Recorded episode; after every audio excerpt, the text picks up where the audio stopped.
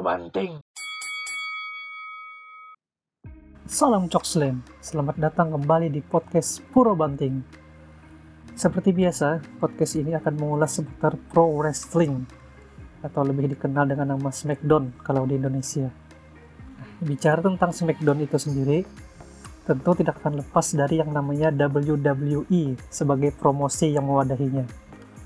Dan di Amerika khususnya, WWE merupakan promosi pro wrestling paling top saat ini Sementara di luar Amerika sendiri sebenarnya ada beberapa negara yang juga memiliki kultur pro wrestling yang sangat kuat.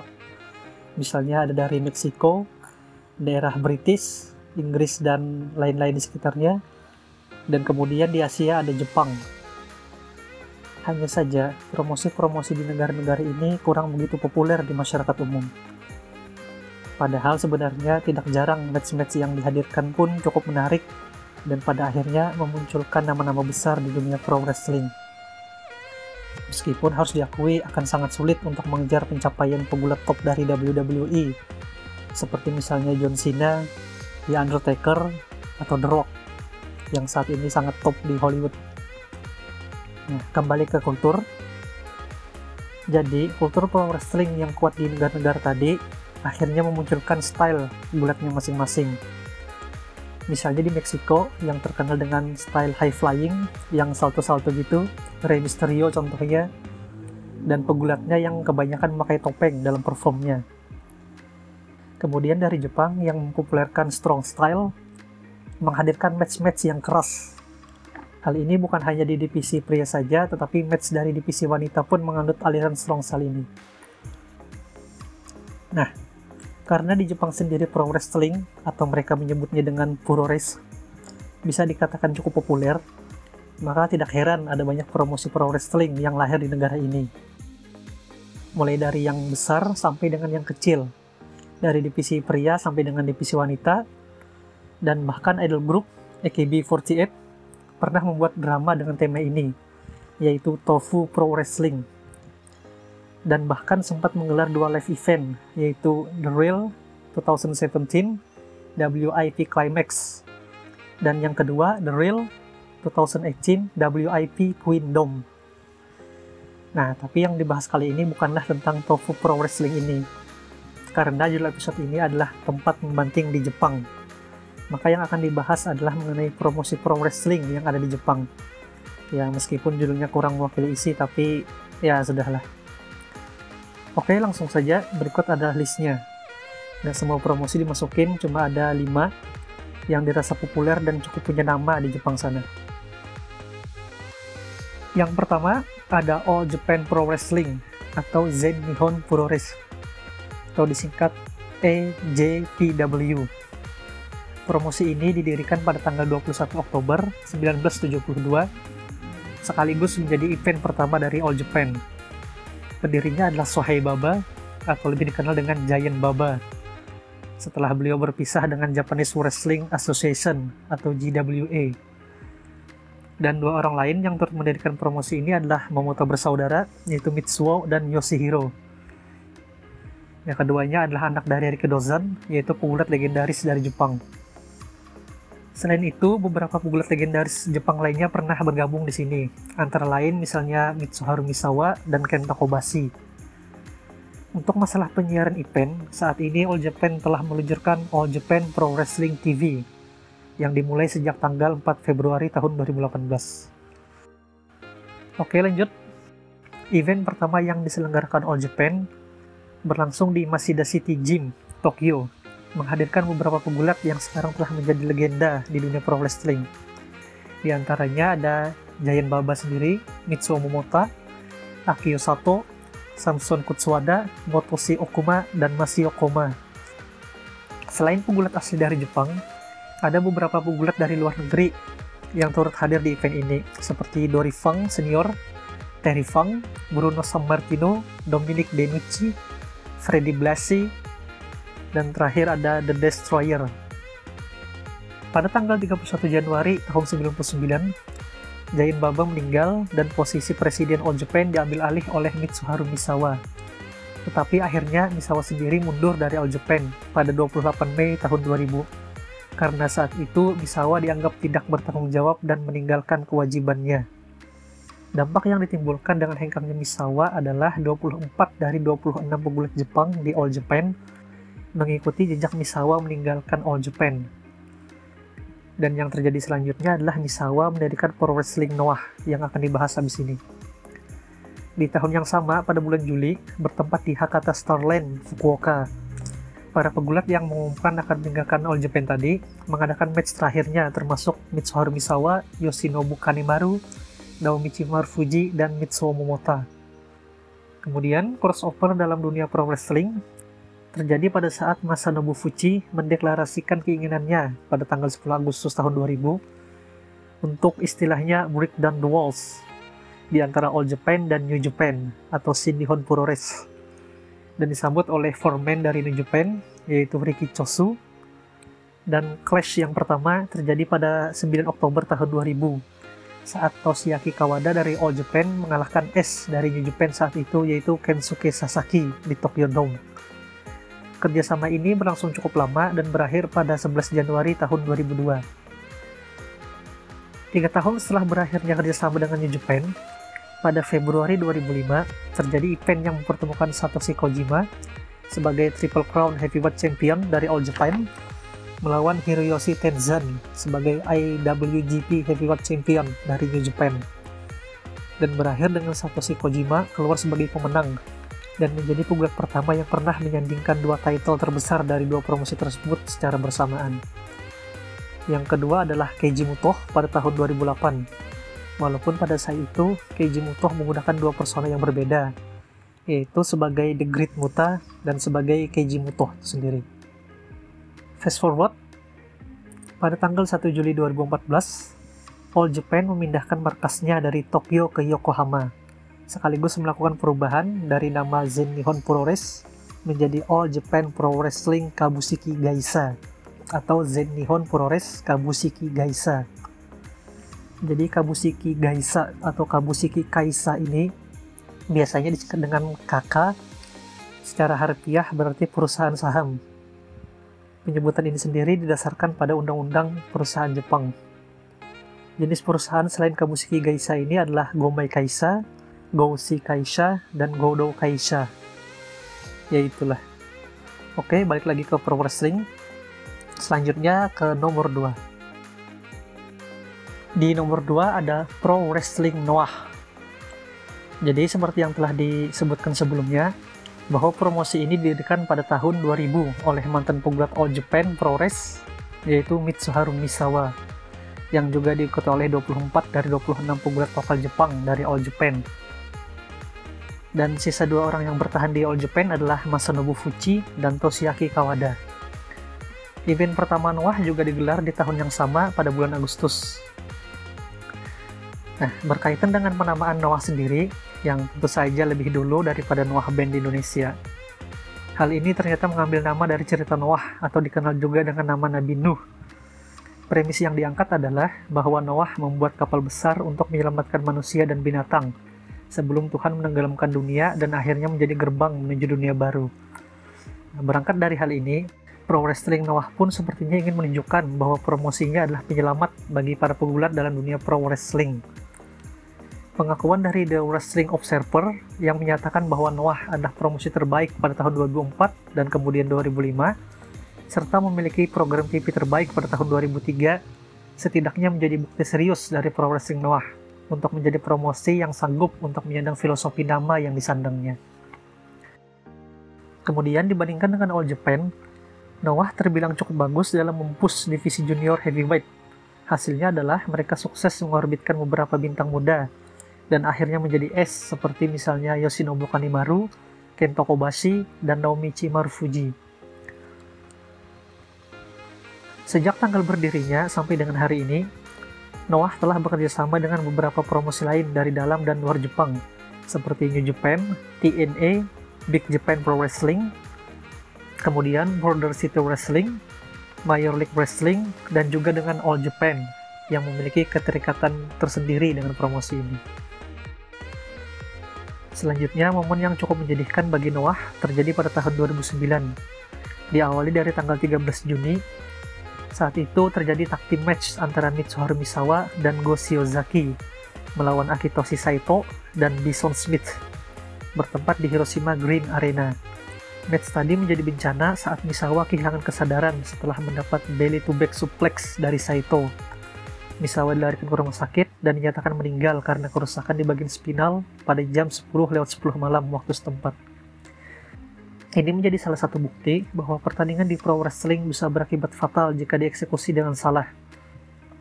Posisi presiden sendiri dilanjutkan oleh Akira Taue pada tanggal 27 Juni.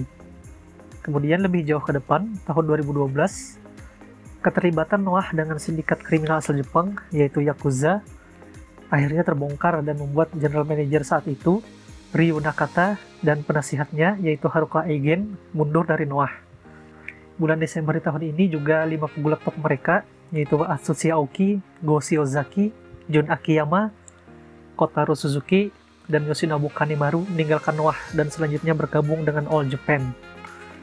Legenda lain yaitu Kenta Kobashi yang mengakhiri kontraknya di bulan Desember ini juga akhirnya kembali ke Noah pada tanggal 11 Mei tahun 2013 untuk melakukan retirement match pada event final Burning di Budokan.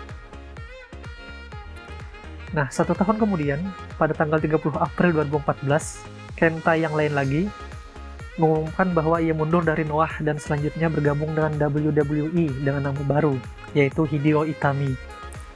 Karir Kenta atau Hideo Itami ini di WWE sebenarnya tidak terlalu bagus, karena entah kenapa sering mendapat cedera. Padahal pertandingan di WWE sendiri tidak sekeras di Noah atau promosi lain di Jepang secara umum. Dan bagi yang belum tahu, Kenta inilah yang mempopulerkan gerakan go to sleep yang juga dipakai oleh Seimpang sebagai finisher move. Seperti All Japan, Noah juga melakukan perubahan nama menjadi Noah Global Entertainment Kabushiki Gaisa sejak 7 November 2016. Setelah sebelumnya Noah dibeli oleh HB, salah satu perusahaan IT, dan pada tanggal 1 Februari 2019, Noah dibeli oleh Lidet Entertainment yang berhasil mengakuisisi 75% saham dari Noah dan menjadi awal dari rebranding Noah itu sendiri. Mulai dari alas ring yang tadinya berwarna hijau menjadi warna putih sampai dengan logo dari Noah itu sendiri. Dan terakhir pada tanggal 28 Januari 2020, baru-baru aja, promosi ini dibeli oleh Cyber Agent yang merupakan induk perusahaan dari DDT Pro Wrestling Nah, untuk membahas DDT ini, kita lanjut ke nomor 3. Jadi, DDT Pro Wrestling atau Dramatic Dream Team adalah promosi yang berbasis di Shinjuku, Tokyo.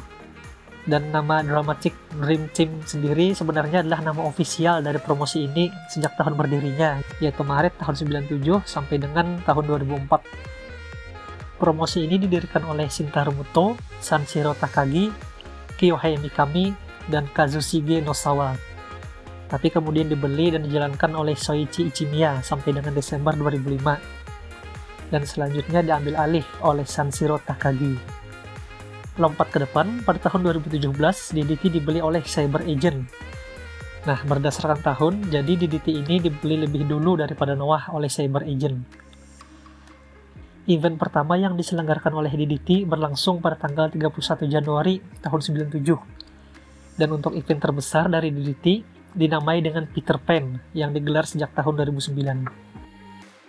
Sebagai promosi yang terhitung indie, DDT menyajikan match-match yang cukup menghibur dan dibumbui dengan komedi, seperti halnya Pro Wrestling Guerrilla atau PWG yang sudah dibahas di episode 2 dan terkadang juga memparodikan promosi gulat lain seperti WWE. Untuk stipulation match yang menarik dari DDT, ada DDT Office Deathmatch. Ini settingnya kayak di kantor-kantor gitulah. Kemudian ada DDT Silence Match, match yang pokoknya harus silent, jangan sampai ada suara berisik. Bahkan komentator pun harus berbisik di pertandingan ini atau kalau yang mau konyol lagi bisa di search di YouTube. Ada kota Ibushi versus Yoshihiko. Match antara manusia melawan boneka. Dan match ini bisa menjadi bukti bahwa kota Ibushi adalah salah satu pegulat yang memiliki skill yang cukup mumpuni.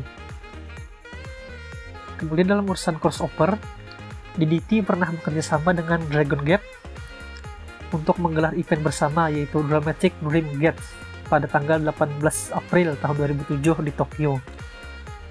Kemudian DDT juga menjadi bagian dari Global Professional Wrestling Alliance. Selain itu, DDT juga bekerja sama dengan Canadian Wrestling Elite dari Kanada. Ya jelas lah ya dari namanya. Nah, selanjutnya pada Maret 2010, DDT menggelar event voting yang memparodikan event dari AKB48 yaitu DDT48 yang kemudian berganti nama menjadi Dramatic Sosenkyo. Di event ini, para fans memberikan vote untuk menentukan siapa pegulat yang akan berpeluang merebut KOD Openweight Championship. Dan terkait dengan AKB48, waktu masih bekerja di promosi DDT ini, Kenny Omega bersama dengan Ryuji Sai dan pegulat legenda Jepang Kento Kobashi pernah muncul di video klip AKB48 yaitu Koizuru Fortune Cookie. Dan untuk urusan gender, ternyata DDT memiliki brand khusus pegulat wanita yang dinamai dengan Tokyo Joshi Pro Wrestling yang didirikan pada tanggal 4 Juni tahun 2012. Kelanjutan dari hal ini adalah dibukanya sekolah gulat wanita pada tanggal 14 Januari 2015 oleh DDT bersama dengan Makoto Oishi dan Cherry sebagai instruktur. Dan di tahun yang sama pada tanggal 23 Juni, DDT membuka sebuah bar dengan tema gulat, tinju, dan MMA dan dinamai dengan Dropkick Bar. Dan terkait dengan promosi khusus wanita tadi, ada satu promosi yang cukup terkenal di dunia pro wrestling dan dianggap sebagai salah satu yang terbaik di bidangnya, yaitu Stardom. Jadi langsung saja dimasukkan ke nomor 4, yaitu Stardom. World Wonder Ring Stardom, atau biasa disebut Stardom. Jadi ini adalah salah satu promosi gulat di Jepang yang hanya diisi oleh wanita.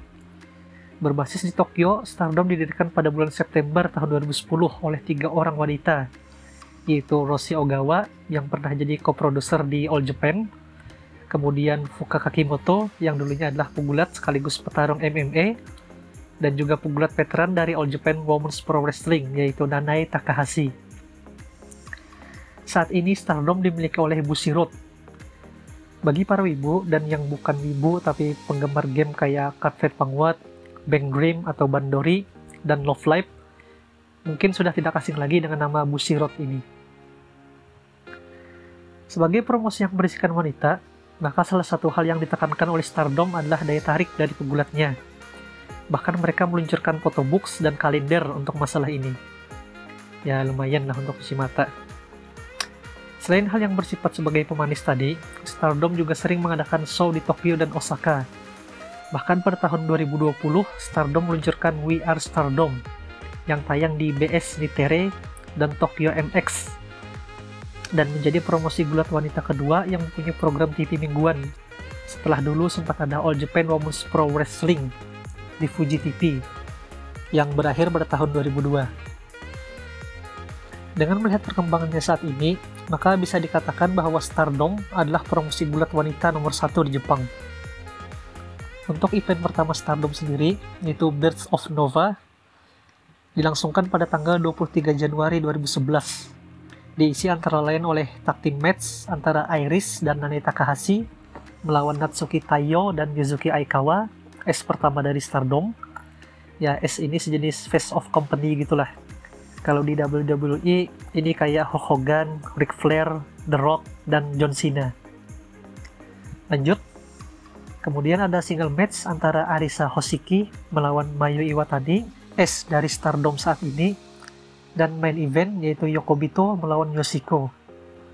Selanjutnya event Stardom Cross Stardom di Korakuen Hall pada 24 Juli 2011 menghadirkan salah satu match yang cukup viral di kalangan pegiat pro wrestling yaitu match antara Haruka yang saat itu berumur 9 tahun melawan Kenny Omega waktu masih bekerja di DDT Pro Wrestling. Dan ini tentunya bukan Haruka yang di JKT48 itu ya. Terkait dengan match ini, Kenny Omega sendiri memberi pernyataan bahwa dia diminta untuk melawan Haruka karena dia adalah pegulat yang dapat bergulat dengan aman. Dan ini tentu menunjukkan bahwa Kenny Omega adalah pegulat yang dapat kooperatif dengan setiap lawan tandingnya. Di event ini ada banyak title match yang dipertandingkan. Di sisi single match ada pertandingan untuk menjadi the first ever Wonder of Stardom Champion, mempertemukan Aikawa melawan Yoshiko, kemudian High Speed Championship antara Natsuki Taiyo melawan Leon, bukan Leon S. Kennedy, dan terakhir ada perebutan World of Stardom Champion antara empat orang dengan format single match dan sistem gugur, mempertemukan Nanae Takahashi melawan Yokobito di final. Selain perebutan title tadi, yang menjadi highlight di event ini, walaupun tidak ikut bertanding, adalah stable Triple Tails yang beranggotakan Io Shirai, Mio Shirai, dan Kana yang sekarang dikenal dengan nama Asuka di WWE. Ada satu tradisi yang menarik dari Stardom untuk pegulat yang akan meninggalkan promosi ini. Jadi seluruh roster dari Stardom, ya agak semuanya sih, akan melawan pegulat itu dalam gauntlet match masing-masing mendapat jatah satu menit untuk bertanding. Dan Yuzuki Aikawa menjadi pegulat pertama yang menghadapi Gauntlet Match ini. Selanjutnya di tahun 2015, Stardom mengadakan event pertama di luar Jepang, dan yang menjadi tujuan adalah California, Amerika. Main event di show pertama ini adalah Yoshirai melawan Mia Yim, dan sekarang keduanya sama-sama bekerja di WWE atau di NXT lebih tepatnya Io Shirai sendiri dapat dikatakan menjadi es di Stardom pada saat itu bersama dengan Mayu Iwatani dan Kairi Hojo atau Kairi Sen dan dikenal dengan nama Freedom. Pada tahun 2015 ini juga, di bulan Februari, ada satu match yang dikenal dengan nama Seisan Machi atau Gasly Match. Match yang cukup membuat tidak nyaman bagi yang menonton antara Yoshiko melawan Ek Yasukawa di match ini, seharusnya Yoshiko kalah dan Yasukawa keluar sebagai pemenang. Tapi yang terjadi di atas ring adalah Yoshiko menghajar Yasukawa sejak awal match. Menghajar yang benar-benar menghajar. Akibatnya adalah wajah dari Yasukawa berdarah-darah di match ini. Match ini sendiri akhirnya dihentikan setelah pihak di sisi ring dari Yasukawa melempar handuk sebagai tanda menyerah. Dan selanjutnya Yasukawa dilarikan ke rumah sakit dan didiagnosa mengalami beberapa kerusakan di area tengkorak dan kedua matanya. Kabar yang beredar menyatakan bahwa Stardom ingin memupus Yasukawa karena dinilai memiliki potensi untuk menjadi bintang di masa depan. Tapi Yoshiko tidak ingin kalah di match ini karena merasa lebih besar dan lebih kuat dari Yasukawa. Nah, selain kabar tadi, ada kabar lain yang menyatakan bahwa keduanya memang sudah memiliki masalah sebelumnya di luar ring, dan akhirnya terbawa ke dalam ring saat match ini dilangsungkan setelah berakhirnya match ini, Yoshiko sendiri disuspend oleh Stardom dan akhirnya di blacklist di Japanese Leagues. Dan Yasukawa memerlukan beberapa bulan untuk istirahat sampai akhirnya bisa kembali bertanding di ring. Walaupun akhirnya pensiun tidak lama kemudian akibat dari injury yang telah dialaminya pada match tadi. Kalau ingin melihat, bisa dicek sendiri di YouTube Yoshiko versus Ak Yasukawa. ACT Yasukawa. Oke, kembali ke sisi terang Salah satu langkah besar Stardom terjadi pada awal Januari 2020, di mana empat pegulat mereka turut ambil bagian dalam event Wrestle Kingdom ke-14, event terbesar dari New Japan. Pertandingan berlangsung dalam format tag team antara Mayo Iwatani dan Arisa Hoshiki melawan Hana Kimura dan Giulia. Walaupun sebenarnya pertandingan tersebut adalah dark match atau tidak ditayangkan, ya tetapi patut dicatat bahwa ini adalah pertandingan wanita pertama di event Wrestle Kingdom. Dan sangat disayangkan bahwa Hana Kimura akhirnya meninggal pada tanggal 23 Mei 2020, baru-baru aja, disebabkan bunuh diri yang diakibatkan oleh bulian dari netizen karena perannya di sebuah acara variety show di Jepang sana. Selain beberapa event tadi, ada banyak sebenarnya momen dan event penting dari Stardom yang terlalu panjang untuk dijabarkan di sini. Misalnya ada Stardom Ryogoku Cinderella Champions Fiesta di tahun 2013 yang berkolaborasi dengan game Fire Pro Wrestling. Kemudian Stardom juga pernah feud dengan promosi lain yaitu Sendai Girls Pro Wrestling. Dan yang terbaru ada event No People Gap yaitu event yang berlangsung live di YouTube karena masalah COVID-19. Oke, sampai di sini saja bahasan Stardomnya ya anggaplah ini sebagai gerbang awal untuk lebih mengenal Stardom. Lanjut ke nomor 5 yang terakhir. Ini yang terakhir dan pastinya ultimate yaitu New Japan Pro Wrestling atau Shin Nihon Puraris. Jadi promosi ini berbasis di Nakano, Tokyo dan didirikan pada tanggal 13 Januari 1972 oleh pegulat legendaris Jepang yaitu Antonio Inoki. Tentu nama Antonio Inoki ini sendiri tidak asing di kalangan para fans pro wrestling. Promosi ini pernah dijual kepada Yux yang pernah bikin game WWE, tapi akhirnya dijual lagi kepada Bushiroad pada tahun 2012. Jadi sebenarnya Bushiroad telah membeli New Japan sebelum membeli Stardom. Dalam perjalanan panjang New Japan, promosi ini sudah pernah bekerjasama dengan berbagai promosi gulat dan MMA dari seluruh dunia, seperti WCW, American Wrestling Association, kemudian World Class Championship Wrestling, Impact Wrestling atau TNA, kemudian Ring of Honor, dan Pride Fighting Championship. Event terbesar dari New Japan sendiri adalah The January 4 Tokyo Dome Show yang diselenggarakan satu tahun sekali sejak tahun 1992. Penyelenggaraan pertama saat itu bekerjasama dengan World Championship Wrestling atau WCW. Dan sejak tahun 2007, event ini berubah nama serta lebih dikenal dan populer dengan nama Wrestle Kingdom.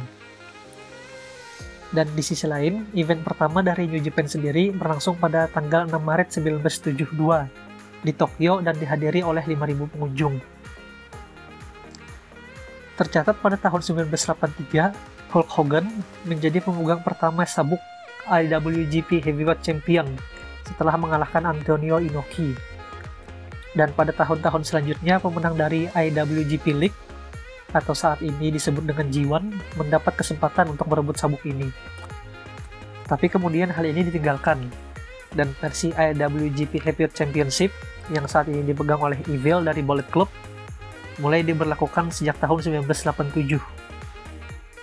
Selain dari event Tokyo Dome Show tadi, kerjasama New Japan dengan WCW juga terjadi pada 28 sampai dengan 29 April tahun 95 saat dua promosi ini mengadakan event Collision in Korea yang berlangsung di negaranya Kim Jong Un, yaitu Korea Utara, tepatnya di kota Pyongyang. Dan penonton yang hadir saat itu sebanyak 165.000 orang di hari pertama dan 190.000 orang di hari kedua. Ya, sebagai gambaran, Gelora Bung Karno memiliki kapasitas sebanyak 77.193 orang. Ya, jadi bayangin sendirilah betapa banyaknya penonton pada saat itu. Sebagai pendiri New Japan, Antonio Inoki ternyata sempat melirik bidang lain yaitu MMA.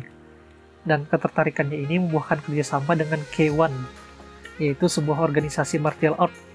Tujuannya sendiri agar New Japan terasa lebih real. Tetapi para fans mengkritik kebijakan ini dan menyebut campuran antara pro wrestling dan MMA ini sebagai Inokism atau Inokisme. Lanjut ke depan, pada bulan Agustus 2010, New Japan meluncurkan Never, yaitu sebuah seri yang didesain untuk memberikan panggung bagi talenta muda New Japan.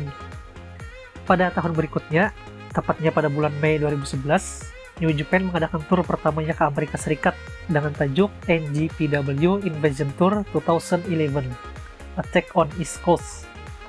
Tur ini mengunjungi beberapa tempat yaitu New Jersey, New York City, dan terakhir Pennsylvania dari tanggal 13 sampai dengan 15 Mei. Di tour ini juga diperkenalkan title baru, yaitu IWGP Intercontinental Championship. Kerjasama lain dari New Japan, yaitu dengan Ring of Honor, terjadi pada bulan Februari 2014. Yang ini sudah pernah dibahas di episode 2, silahkan dicek lagi. Selain itu, kerjasama yang melibatkan banyak promosi dengan tajuk New IWGP Conception diumumkan pada tanggal 18 Juli 2015 yang melibatkan CMLL, GFW, Ring of Honor, RPW, WXW, dan NWA. Kerjasama ini turut melangsungkan beberapa event di Thailand, Singapura, dan Taiwan. Dalam pengumuman ini juga disinggung tentang Lionsgate Project, yaitu sebuah proyek di mana rookie dari New Japan maupun pegulat luar melakukan trial match untuk mendapatkan spot di New Japan. Kemudian yang juga sempat mendapatkan sorotan dari dunia pro wrestling yaitu saat New Japan kembali mengumumkan peluncuran title baru pada 12 Mei 2017 yaitu IWGP United States Heavyweight Championship. Perebutan title ini dilangsungkan pada event G1 Special in USA di tahun yang sama pada tanggal 1 dan 2 Juli dengan menggunakan sistem gugur. Dan pemegang title yang pertama adalah Kenny Omega setelah mengalahkan Tomohiro Ishii di partai final. Selanjutnya ada momen menarik terkait dengan title. Ini terjadi pada event Wrestle Kingdom ke-14 di tahun 2020 yang dibagi menjadi dua hari. Pada hari pertama, Kazuchika Okada berhasil mempertahankan IWGP Heavyweight Championship setelah mengalahkan kota Ibushi sebagai juara dari G1 Climax. Sementara di sisi lain ada Tetsuya Naito yang berhasil mengalahkan Jay White untuk merebut IWGP Intercontinental Championship.